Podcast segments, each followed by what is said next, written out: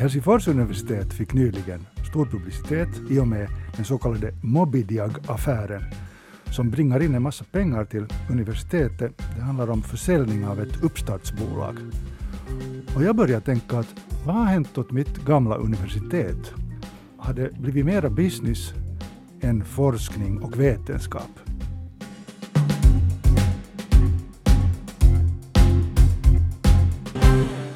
Välkommen Mario Berglund. Tack, tack. Din, din titel på Helsingfors universitet är kvestor, men det betyder att du är ekonomichef. Precis. Och, och du har hand om gan, ganska stor placeringsegendom. Hur många miljoner handlar det om? 500 miljoner, lite på. 500 miljoner, en halv miljard. Precis. Och den, ska, den förmögenheten ska placeras så att den hämtar in mera pengar till Uni förstås. Ja, exakt. Men också ansvarsfullt. Också det. Det vet jag att du har länge sysslat med. Ansvarsfullhetsfrågor när det gäller just placeringar. Ja. Och det är desto mer självklarhet i dagens värld så att det behöver vi inte egentligen ens diskutera. I och för sig skulle det vara intressant att diskutera lite konkret hur, det- hur du ser på det. Men när det gäller uppstartsbolag, är det något nytt nu i universitetsvärlden att universitetet utvecklar bolag som sen säljs ut på världen, på marknaden? Det är inte hemskt nytt. Min företrädare har faktiskt, och, och före detta rektorer har börjat med det. Uh, vänta nu, för 20 år sedan ungefär. Att testa på att, att hur skulle det vara med att få ut forskning i, i samhället. Så att den inte blir i bordslådan. Och, det där. och då har man börjat med det. Och Movidiag är en av de bolagen som, som är jättegammal. Men som faktiskt 2013 lite ändrade på sin bana. Och, och då har vi den nya Mobidiag som då såldes idag. Berätta lite om Mobidiag. Det är väl, ja, så vitt jag har förstått och blivit till och med nu uppringd och, och informerad av de som faktiskt har funnit den här testmetoden. Så den är någonstans från 80-talet. Och, det där, och förstås blev den bekant nu när vi testar massor för coronan. Så då, då gjorde man liksom reklam för den så att säga. Att, att det är samma testmetod. Men i och för sig då fanns det en test. Men det var då det var ingen tillverkning och ingen liksom massproduktion på den. Och det var det sen som det nya teamet började med Tuomas Tenkanen och hans team att, att de skulle ta då massproduktion av den här testen, göra den liten, göra den snabb och göra den pålitlig. Pålitligare än det som fanns på marknaden. Alltså hurdana test handlar det om? Det handlar nu till exempel om test att har du corona, men samtidigt svarar den på att, att, att okej, att inte corona, men du har av influ, influensa eller liksom allt det här. Och sen handlar det nog om tester gällande diarré. Att, att du får genast rätt medicin. Det är kanske inte ett problem här i Finland, men i världen nog. Och så finns det en massa tester om det här med att man kan ha magsår och vad är det nu för bakterier man kan ha och så vidare. Och det tar de fram med små sådana här testenheter. Och Mobidiags grund finns i vetenskapen Precis. som är utvecklad vid Helsingfors universitet. Precis. Ja. Och hur mycket pengar inbringar den här försäljningen till Helsingfors universitet? Nå, vi får väl, vad blir det, 48 miljoner eller någonting sånt. Vi har inte ännu fått de pengarna. Men vi får se. Ja, finns här en konflikt mellan businessvärlden och vetenskapsvärlden? Till exempel att eh, utvecklas då metoder bara för att de ska bli företag och säljas och inte liksom för själva för att utveckla vetenskapen.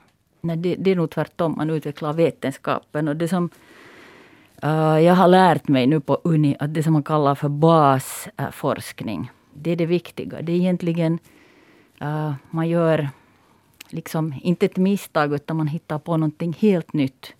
Och när någon forskar någonting, vad ska, vad ska vi säga nu, cancer, så kan hitta på varför ett litet barn har diabetes 1 eller, eller någonting sånt. Att det, det är liksom såna, såna saker som man hittar. Och när forskarna alltid vill gå framåt, det finns ju alltid sen nästa fråga och nästa fråga och nästa fråga. Så, så försöker vi då, vi har folk som jobbar på vårt hissbolag som, som går ut och berättar att hej, att, att, att har du hittat på någonting och skulle det kunna vara något som man skulle kunna arbeta med och föra vidare i, ut i världen. Och på Uni har vi, vi har säkert på alla universitet i Finland, men jag känner ju bara vårt universitet med jättefin forskning. Och det där, de är helt banbrytare på många sätt.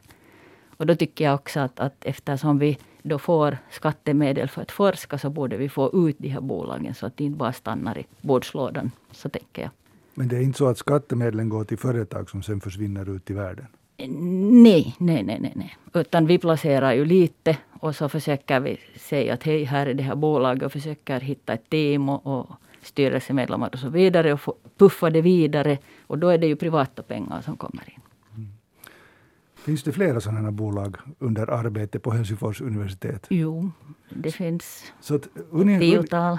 Uni har liksom nu utvecklat en sån här infrastruktur, vad ska man säga, en plattform ja. för, att, för att ta fram nya bolag, teknologibolag av olika slag, eller bolag som grundar sig på vetenskap? Ja, det har vi. vi då när jag kom in så började vi sen, det fanns en viss process som vi sen förnyade 2013 och det där och det, det som vi säger är att alla ska inte vara intresserade av det här, men att det ska finnas för dem som är intresserade av att börja med bolag eller eller så vidare. Så det finns också en sån service på universitetet. Och då vill vi gärna vara med. Och vi hjälper i början med juridiken. Vi hjälper med att grunda bolaget. Vi hjälper med att söka folk in och, och så vidare. Vilken, och där, och, och, vilken typ av företag till exempel?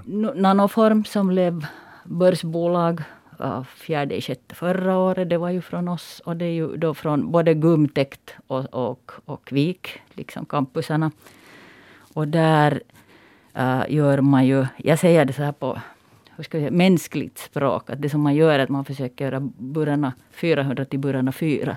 Okay. Att, att lösligheten på medicinerna är inte alltid så bra att vi kan använda dem. Så det finns en massa mediciner som man har hittat på men som ligger på hyllan för det liksom inte löser sig i kroppen.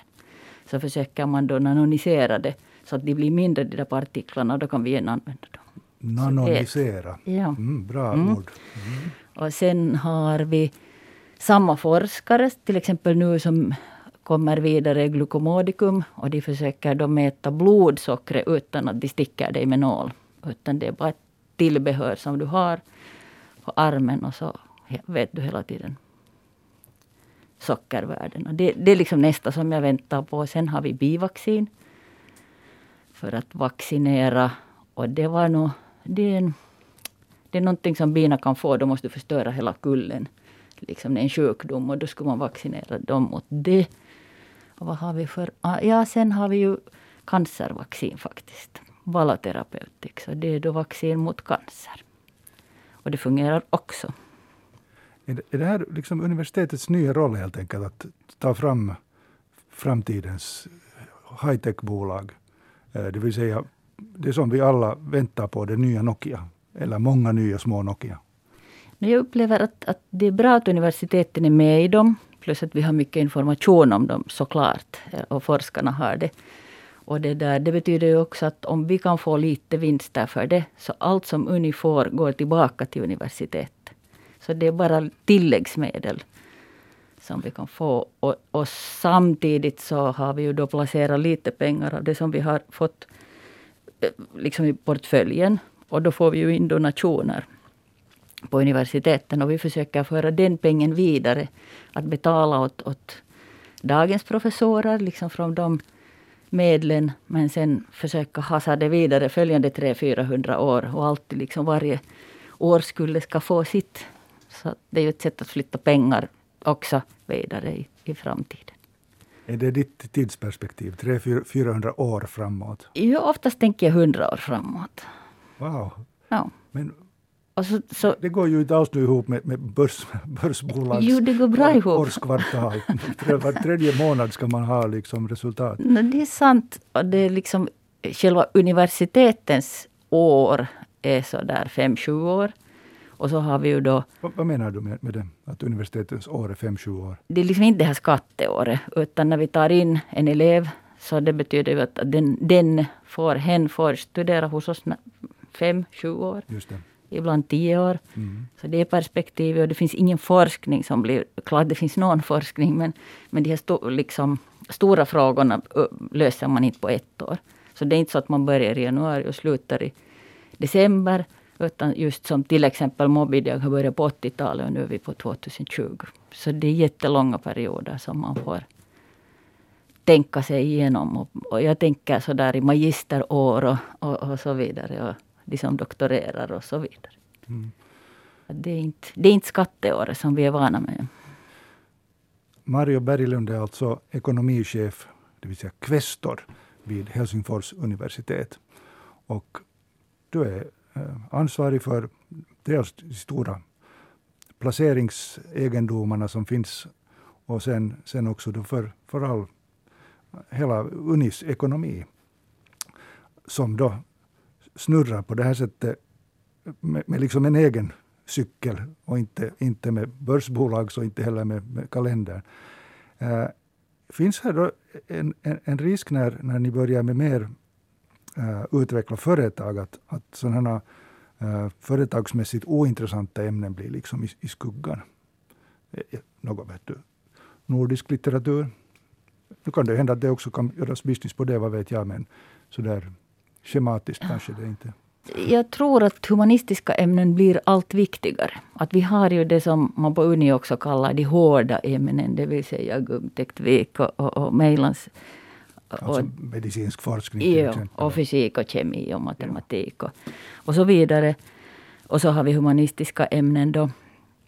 Och, och det där att förstå människan och förstå världen blir, tycker jag, allt viktigare. Och vi har hemskt mycket forskning tycker jag kring det också. Att, att det, man, vill, man vill titta till många saker som, som humanisterna gör. Så jag tror inte att det strider mot, mot någonting på Uni. Och vi har ju från, också från Centrum, det vill säga humanistiska ämnen, så har vi ju spin-out-bolag. Ett av dem är Hay Schools som har då som, försök, som strävar till att föra uh, dagis liksom bästa dagis, hur ska jag säga, um, mm, sättet att vara på dagis och lära barnen och så vidare ut i världen. Och de är faktiskt i Asien och Australien och så vidare. Mm. Ja, jag förstår precis hur du menar när du säger att det blir allt viktigare med humanistiska ämnen. Mm. Det är också min personliga känsla att, att när det känns som att världen skulle snurra snabbare mm. och världen har blivit kanske mer global, det vill säga att vår vardag har blivit mer global, så behövs det stunder då man lutar sig lite tillbaka och, tänker efter ja. mera. Och behöver kanske eh, filosofi, Precis. ställa frågor och definiera sp ja. språkligt saker och ting på ett nytt sätt och tänka efter. Ja. Och, och, här har ju universiteten den äh, nyckelrollen, eller det är ju därför som ni finns, eller hur? Precis. Egentligen. Ja. ja. Men sen kanske ni också finns nu för att ta fram det nya Nokia? Nu, ja, kanske det. Och det är kanske det. En, en ja. ny intressant roll för att inte talar man om sånt här på 70-talet. Inte. Nej, nej. Jag tror att man går kanske för långt för att säga att, att det skulle ha varit en företagsfientlig stämning på universitetet. Men alltså jag har studerat på 80-talet. Men det där, eh, kanske, det kändes väldigt främmande, den där världen. Det var mera vattentäta skott mellan. Och ja. Men det finns kvar lite, tycker jag, i samhället.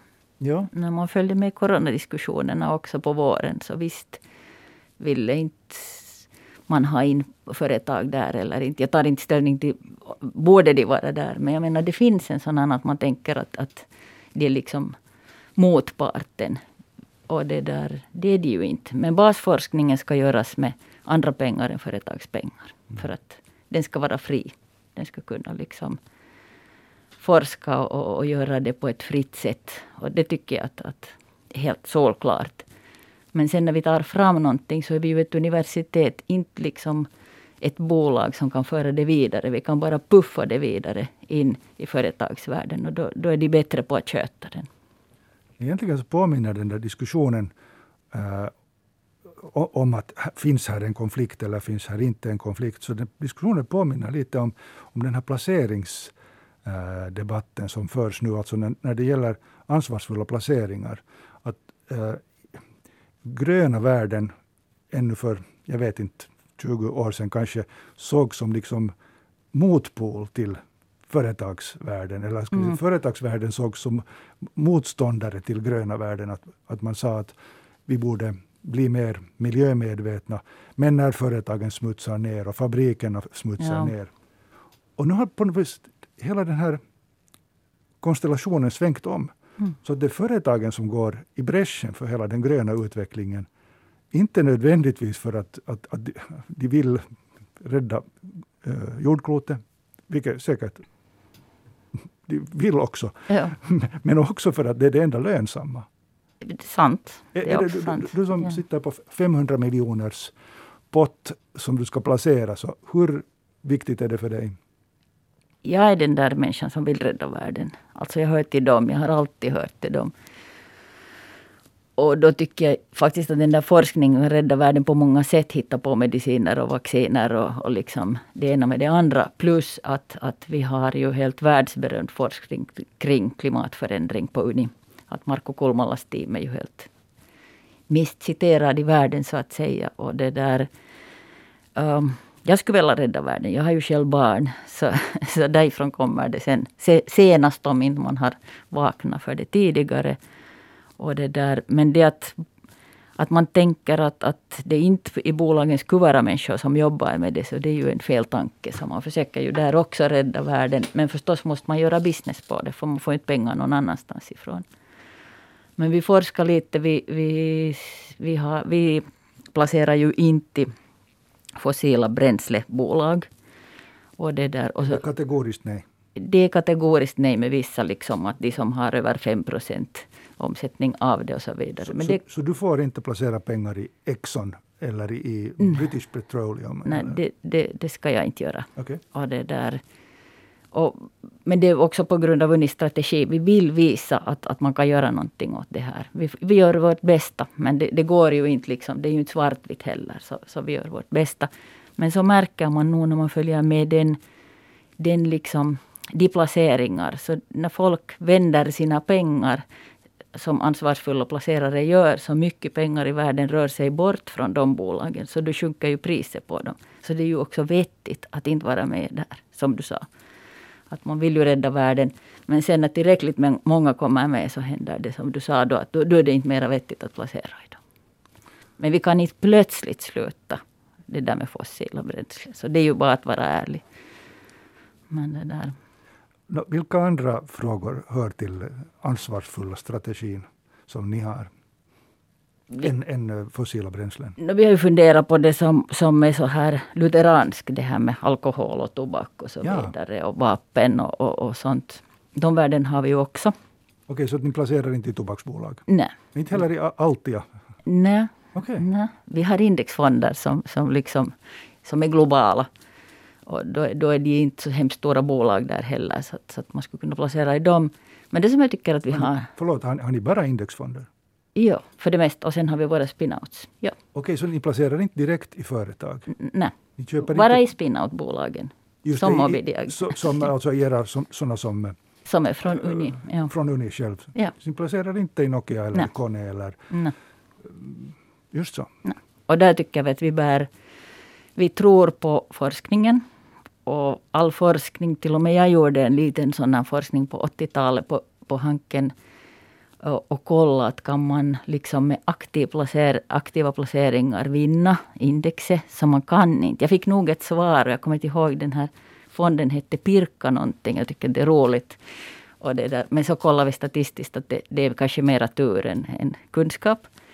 Och det där det var nu min lilla forskning, men, men hela liksom forskningsteorin säger att du inte kan klå indexet. Så då har vi börjat med ett globalt index för, för aktiefonder. Vi, har då, vi kan ju inte sätta över 100 miljoner har vi tänkt i, ett, i en fond, så, så vi har flera av dem. Men i varje fall, och det där, då tänker vi att vi försöker dra ner på kostnaderna. Så att vi har egentligen vår kostnad för det här är under 0,1 procent. Under 0,1 procent? Ja, alltså vänta nu. Under 1 procent. Ja. Ursäkta. Ja. Och sen det där uh, under 10 procent. Vad håller jag på med? 0,1 är Vi- vårt vi-. Vi, tar lite rewind. Jag du, du, kan, du, kan, du kan det där börja från, från, från det där du säger att, att ni försöker få ner kostnaderna. Ja, Ja. kanske det är onödigt att rodda ja. till, rodda till det här. Ja. ja, så vi försöker, vi tycker att det är ansvarsfullt också det att vi drar ner på kostnaderna. Och då försöker vi köpa så billigt som vi bara kan och vara så effektiva som vi kan. Och det är liksom, då tänker vi att Uni skulle få lite mera äh, avkastning på sina, sina det där placeringar. Så vi försöker inte gissa oss till att gå Nokia upp och nästan ner eller tvärtom. Och, det där, och så använder vi vår tid på våra spinouts istället. Och, det där, och, och det andra är som jag tycker är det här stafettkarnevalsidén att jag har nu, det är jag som springer nu med den här käppen i handen och så tar någon den igen och så tänker jag på 100 år och 300 år. Och jag vill liksom ha pengarna vidare till, till mina barn och barnbarn och så vidare. Och det tycker jag att vi har ansvar för. Och så har vi ansvar för det att vi har då donerare som har donerat de här pengarna som vi placerar. Och då ska vi sköta dem så bra vi kan. Har pengarna ursprungligen alltså kommit från donationer? Ja. ja. Och sen staten i första, då när man 2010 samlade in pengar så betalade staten då dubbelt eller tredubbelt den summa som man kunde samla in för alla universitet. Och därifrån har det börjat. Men Uni har ju sin universitetsfond som då är ungefär lika gammal som Uni. Grundat alltså redan på 1600-talet? Ja, någonting sånt. Och det har kallats för Unis egna medel. När det då har varit statligt, Sveriges, Rysslands och nu Finlands. Så det där, där har vi hittat nu med vårt team att 1745 var det löjtnant Ekestubbe som då donerade pengar till, till universitetets, universitetens fonder. Och, då det där. och den pengen förs också vidare och framåt. Så det påminner egentligen ganska mycket om familjebolagstänkande där man, ja. där man tänker på, där man har fått någonting som man förvaltar och som går vidare. Precis. Och du har dessutom det perspektivet att om universitetet grundades var det 1640, ja. så, så finns det vissa traditioner som förpliktigar en. Och, och det får absolut inte ta slut. Nej, det får inte ta slut. Och, jag, och, och, nu när jag har jobbat där så har jag ju verkligen liksom, jag kan inte mera understryka det att, att det är bara med skolning vi kan ändra världen. Och det som uni, Unina gör, forskningsuniversiteten, är då att de har forskarna som också måste delta i att, att lära våra studenter. Och det, det, det liksom betyder i och för sig att det är den sista forskningen, den sista, det, det liksom nyaste vi vet, så lär vi ut. Och så går de människorna ut i världen. Och det, där, det är väldigt viktigt. Mm. För mig åtminstone. Tack Maria Berglund för att du ville komma med hit till Pengarnas värld. Tack.